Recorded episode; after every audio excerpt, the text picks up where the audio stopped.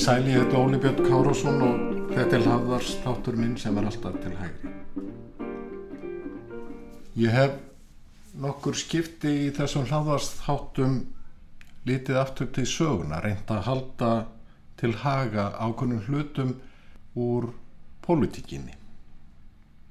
Og þessu sinni ætla ég að líta aftur til vinsturistjórnarinnar 2009 til 2013 eitthvað sem ég kalla merkingalösar heitstreikingar. Í ræðu og riti áttu Jóhanna Sigurðardóttir sem var fósættisaráþur og stengurumur Jóð Sigfússon sem var lengst af fjármálaráþur þeirra ríkistjórnar eitt sameigilegt umfram margt annað. Þau voru í orði baróttu fólk fyrir beinu líðræði.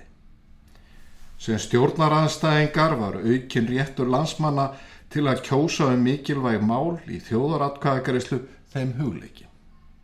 Sem fórastu menn í ríkistjórn 2009 til 2013 fenguðu ítrekku tækifæri til að láta þessa drauma sína rætast. Í öll skiptin börðust þau gegn því að leitaði yrði álits þjóðarinnar. Heitt streikingar um beint líðræði og aukin áhrif almennings á mikilvæg málefni reyndust í raun innan tóm. Í stefnu yfirlýsingu samfélkingarinnar og vinstri grætna eftir kostningarnar 2009 saðist ríkistjórnin ætlað beita sér fyrir ofinni stjórnsýslu, auknu gagsægi og líðræðis umbótu. Þetta var í samræmi við stefnu begja stjórnarflokkana. Í stefnu yfirlýsingu sem samþygt var á stoppfundi samfélkingarinnar í mæ 2000 sagði meðal annars. Við viljum viðtækt líðræði. Fulltrúar almennings taki ákvarðanir um samiðileg málefni fyrir opnum tjöldum. Sem flestar ákvarðanir verði teknar beint af þeim hópum fólks sem þær varða. Einstaklingar, samtök á vinnumarkaði og frjálsfélagasamtök hafi sem mestan sjálfs ákvarðuna rétt. Og í stjórnmálálugtun landsfundar samfélkingarinnar fyrir kostningarnar 2009 var rætt um rétt almennings til þjóðaratkvæða greiðsla. Þetta var í takt við það sem fyrir landsfundir hafðu álíktað en fyrir þingkostningarnar sagði meðal annars í stjórnmála álugtun flokksins. Samfélkingin leggur höfuð áherslu á líðræðismál með auknu íbúalíðræði og réttur almenningstið þjóðaratkvæðakareysla verði tryggður í stjórnar skrá. Stjórnarflokkarnir, það er vinstir grænir og samfélkingin og helstu fórustumenn þeirra voru því samstíga í lofórðum um aukið líðræði og þá ekki síst er varða rétt almennings að setja álit sitt á einstökum málum í þjóðaratkvæðakareyslu. Í álygtun landsfundar vinstri græna árið 2007 sagði orðrétt. Fulltrúa líðræðinu er hreint ekki ógnað af því að þjóðin greiði öðru kóru atkvæði um tiltekinn mál. Nauðsynlegt er að setja inn í almenn lög eða stjórnaskar á ákvæði um þjóðaratkvæðakareyslur til að mynda að tiltekið hlutall þjóðarinnar geti krafist þjóðaratkvæðagreyslu með undiskriftum eða viðlíka hætti. Árið 2006 gaf Stengurumur Jósefusson út bókina Við öll Íslandst velferðarsamfélag á tímamótum. Þar fjallaðan meðal annars um beintlýðræði og mikilvægi þjóðaratkvæðagreysla. Stengurumur held því fram að breyta í stjórnarskrá og setja en ákvæðum rétt almennings að krefjast þjóðaratkvæða greiðslu. Hann sagði meðal annars Slíkur afdráttarlaus og stjórnarskarábundi réttur þjóðarinnar stangast ekki á við það að í stjórnaskrá sé jafnframt hveðið á um möguleika tiltekins allstórs minnilhuta þingmanna og eða þjóðkjörins fósetta til að skjóta málum til þjóðarinnar. Skoðanir Stengrims í bókinni voru í góðu samrami við það sem hann sagði á alþingi 4. mars 2003. Þá gerðan grein fyrir tillugu sem hann flutti á samt félugum sínum í vinstir grænum um að emdirði til þjóðaratkvæðagareislum byggingu káranhjúkavirkjunar og álvers í reyðaferði. Orðrétt, treystum við ekki þjóðinni. Ekki getur það verið vandin að nokkrum manni í þessum sal tingraði sinna detti í hug að þjóðin sé ekki fullfærum að meta þetta mál sjálf og kjósa um það samhliða því að hún kýr sér þingmenn. Stundum heyrist að vísu einstaka hjárum að rödd um að sum mál séu svo flókin að þau hend ekki í þjóðaratkvæði. Það er einhver allra ömurlegasti málflutningur sem ég heyri. Í áður nefndri bók taldi Stengrimur rétt að setja inn í stjórnaskrá ákvæði um þjóðaratkvæði. 20-30.000 manns geti krafist þjóðaratkvæðis, 27 þingmenn hið minsta geti krafist þjóðaratkvæðis.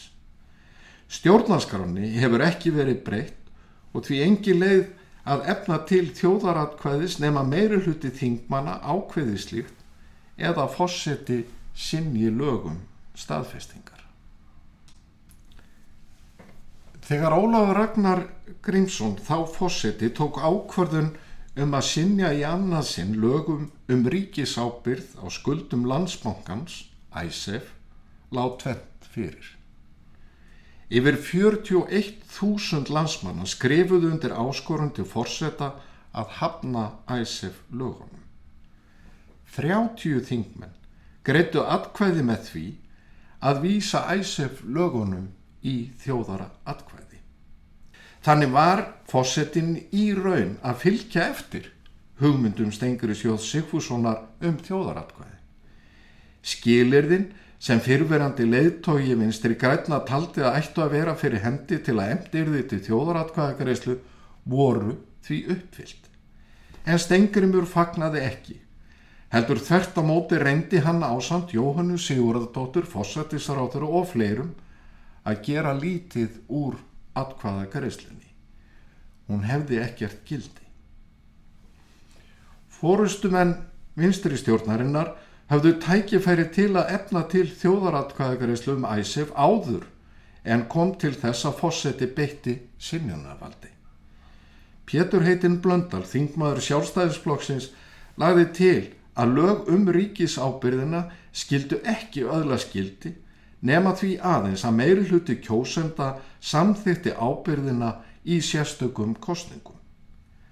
Tillega Pétus var feld 30. desember 2009 með stuðningi allara þingmanna samfélkingarinnar, 12 þingmanna vinstir græna, Jóhanna Sigurðardóttir fósættisaráþura og Stengurumur Jósifússon fjármálaráþura greittu atkvæði gegn tilugunni.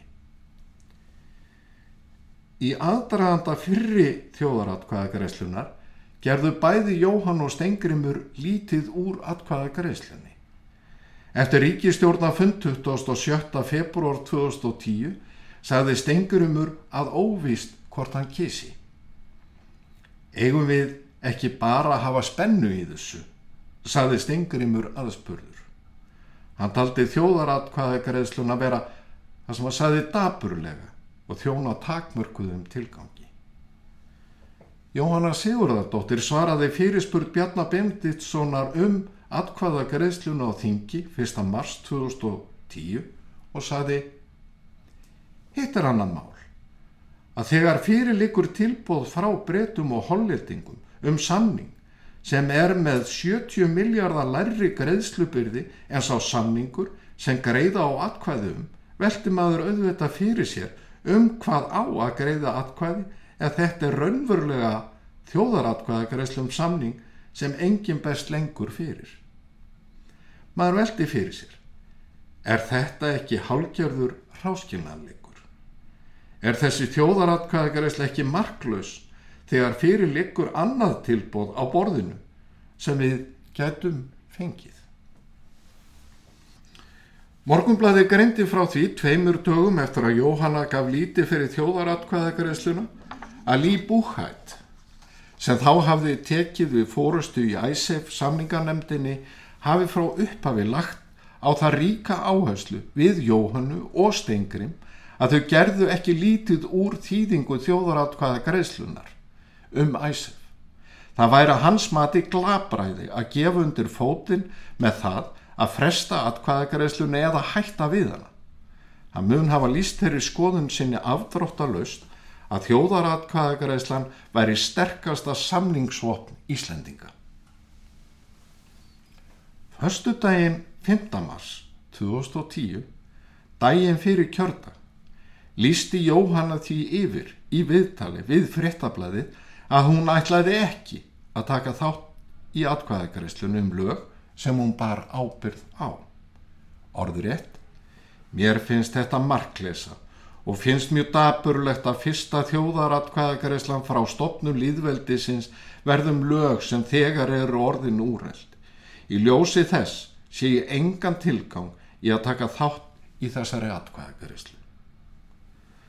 Sama var upp á teiningnum þegar ISF 3 kom til atkvæða á þingi 16. februar 2011.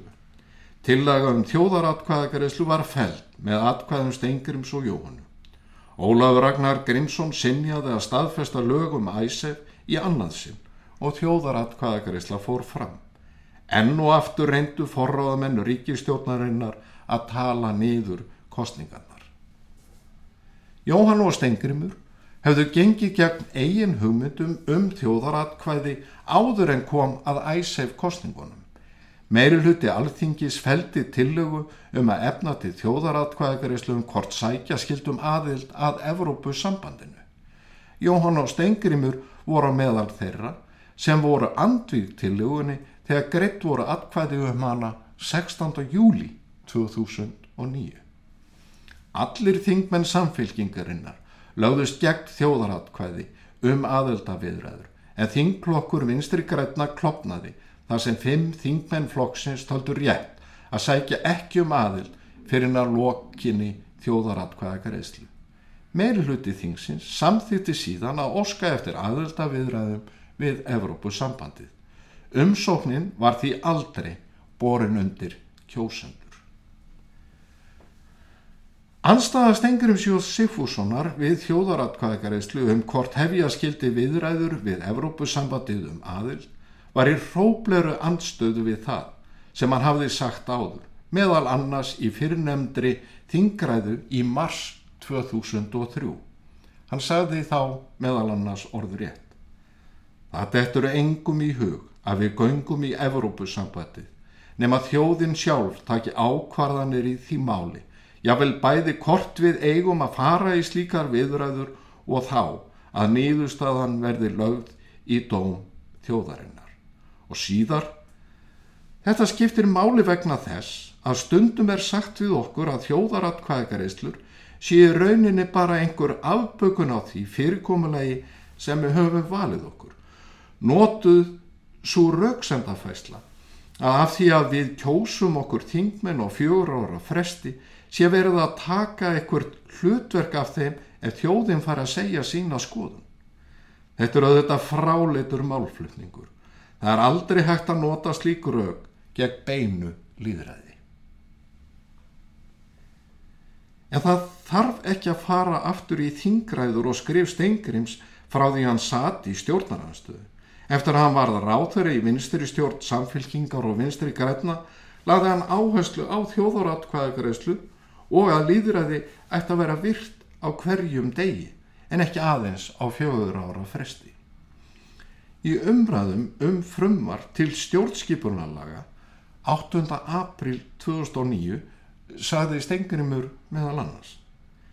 Þrátt fyrir þingraðiskipulag okkar og þrátt fyrir mikilvægi þessara stopnunar hér sem ég er þykir vendum og hefi eitt miklum tíma á hennar vegum stórum hluta æfinar á ég engum vandraði með að þjóðin taki til sín og ákveði með líðræðislegum hætti í almennum atkvæðagaræðslum mikilvæg mál eða þjóðin taki í sínar eigin hendur að semja sér stjórnarskrá. Það er ekki í neittni mótsum við þingræðis og fulltrúaræðis fyrirkomulægið sem við búum við.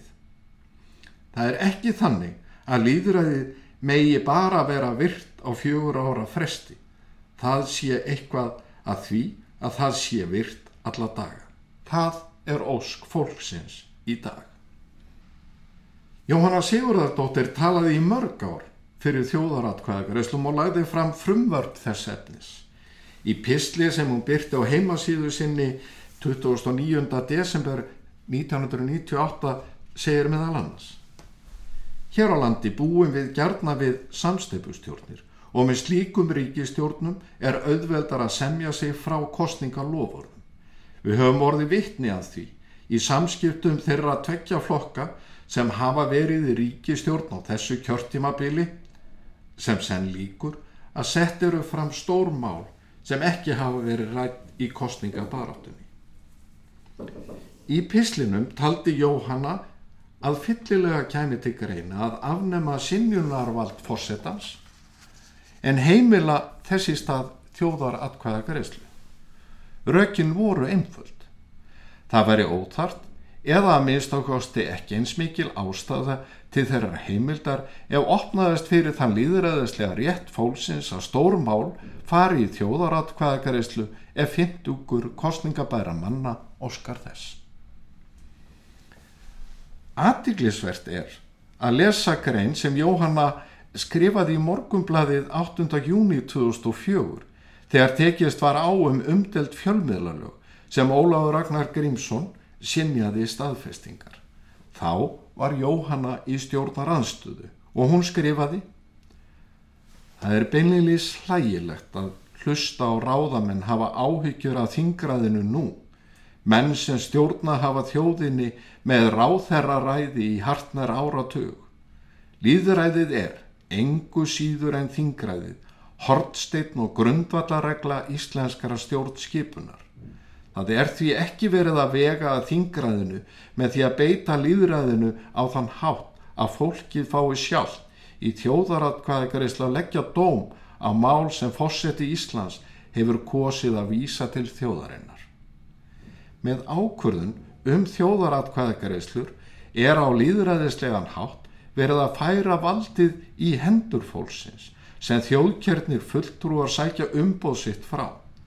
Það er slíkur réttur skuli vera fyrir hendi veitir þingraði nú ekki síður framkvæmdavaldinu nöðsynlegt aðhald sem styrkir líðræðið. Í alþingiskostingunum 2013 hrundi fylgi vinstri græna og samfylkingarinnar sérstaklega. Í kostingunum 2009 fengu þessir flokkar samtals 51,5% atkvaða en fjórum árum síðar aðeins tæp 24%. Fylgisrunnið var sögulegt hjá samfylkingunni sem fór úr tæpum 30% atkvæði í 13%. Fram til þessa hefur samfylkingin ekki náða rétt úr kútnum en töluvert bjartara er yfir vinstri grænum sem margir telja að rekja megi til persónu fylgis Katarina Jakobsdóttur formans og núverandi fósættisratura.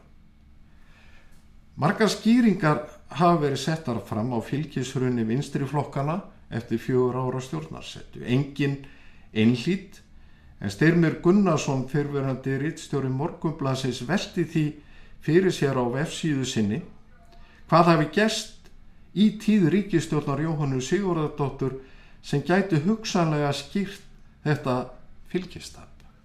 Hann skrifaði í mars 2016 Í þremur tilvikum síndi svo ríkistjórn virðingaleysi kakvar þeim viðþorfum um líðræðislega stjórnhætti sem hafa verið að reyðja séti rúms á setni árum. Í fyrsta lagi sótti hún ekki beint umbótið þjóðurinnar áður en sótt var um aðild að Evropasambandinu heldur feldibeinliðis tillögu þar um á alltingi. Í öðru lagi Eðilagði hún umboð hins svo nefnda stjórnlagaráðs með því að efna ekki til nýrra kostninga um það eftir að hæstiréttur hafi dæmt kostningu stjórnlagaras ógilda en skipaði sama fólk í þess stað. Í þriðja lagi reyndi hún að knýja fram samninga um æsef án þess að spyrja þjóðina. Styrmir hjælti fram að þetta séu þrjár höfuðsyndir jafnaðarmannaflokks sem að öðru leiti vísar stöðu til mikilvægis líðræðislegra vinnubræða. Skýringar styrmis eru trúverðugar ekki síst þegar að fyrirhitt fórustumanna um auki líðræði og þjóðaratkvæðagreislur eru hafðar í huga.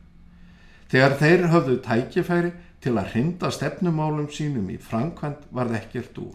Heldur þvert á móti unnu þingmenn og ráþur af flokkana gegn því að almenningur gæti komið beint að málum. Hvort heldur er varðar æsef samningana eða umsóknum aðild að Evrópu sambandinu. Ég þakka þeim sem hlýttu